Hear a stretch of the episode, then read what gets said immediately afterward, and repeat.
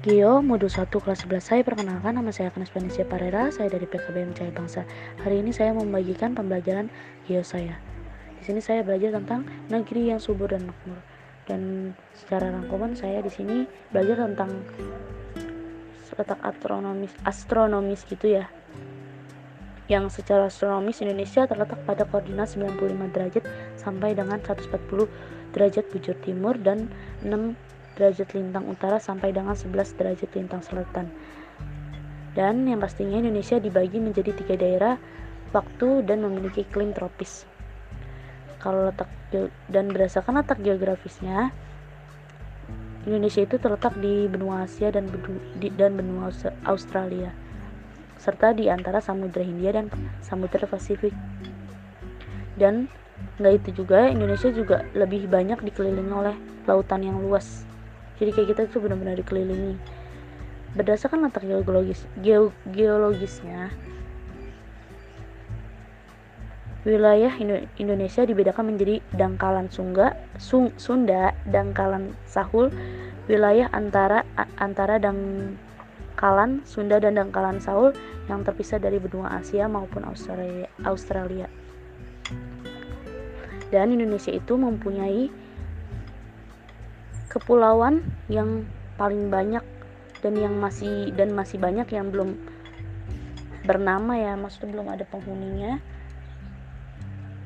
Dan yaitu dan itu untuk menjaga keutuhan sih keutuhan yang diperlukan verifikasi pulau-pulau ke PBB dan batas-batas wilayah Indonesia itu ada yang langsung berta, berta, berbatasan dengan daratan tetapi lebih banyak berbatasan dengan lautan. Jadi kayak benar-benar ya itu kita banyak-banyak lebih dikelilingi oleh lautan ketimbang daratan. Batas daratan rentang dengan penduduk yang melintas batas.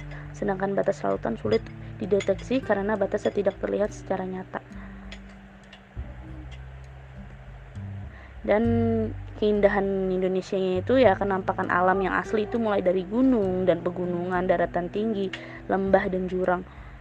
Serta daratan rendah masing-masing kenampakan daratan memiliki potensi dan kekayaan yang berbeda. Yang kayak alamnya itu beda-beda keindahannya itu beda-beda kekayaannya itu pasti beda-beda.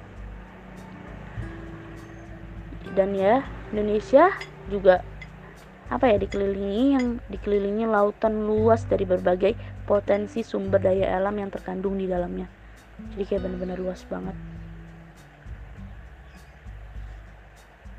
Negara negara Indonesia juga terletak pada posisi saling dengan berbagai konsekuensi baik yang menguntungkan maupun membahayakan dalam posisi sebagai jalur transportasi tran, transportasi dan perdagangan. Bangsa Indonesia harus siap menghadapi segala tantangan yang dihadapi. Jadi kayak kita tinggal di mana aja tuh kita harus tahu konsekuensi konsekuensinya kayak di daratan apa konsekuensinya di dekat laut juga apa gitu kan dan sebagai masyarakat kita juga harus meningkatkan kualitas sumber daya manusia juga kan karena kita sumber alamnya banyak tapi mungkin sumber daya manusianya yang kurang gitu.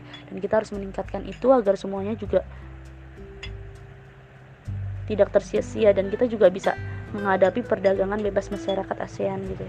Dan di situ saya yang saya pelajari. Makasih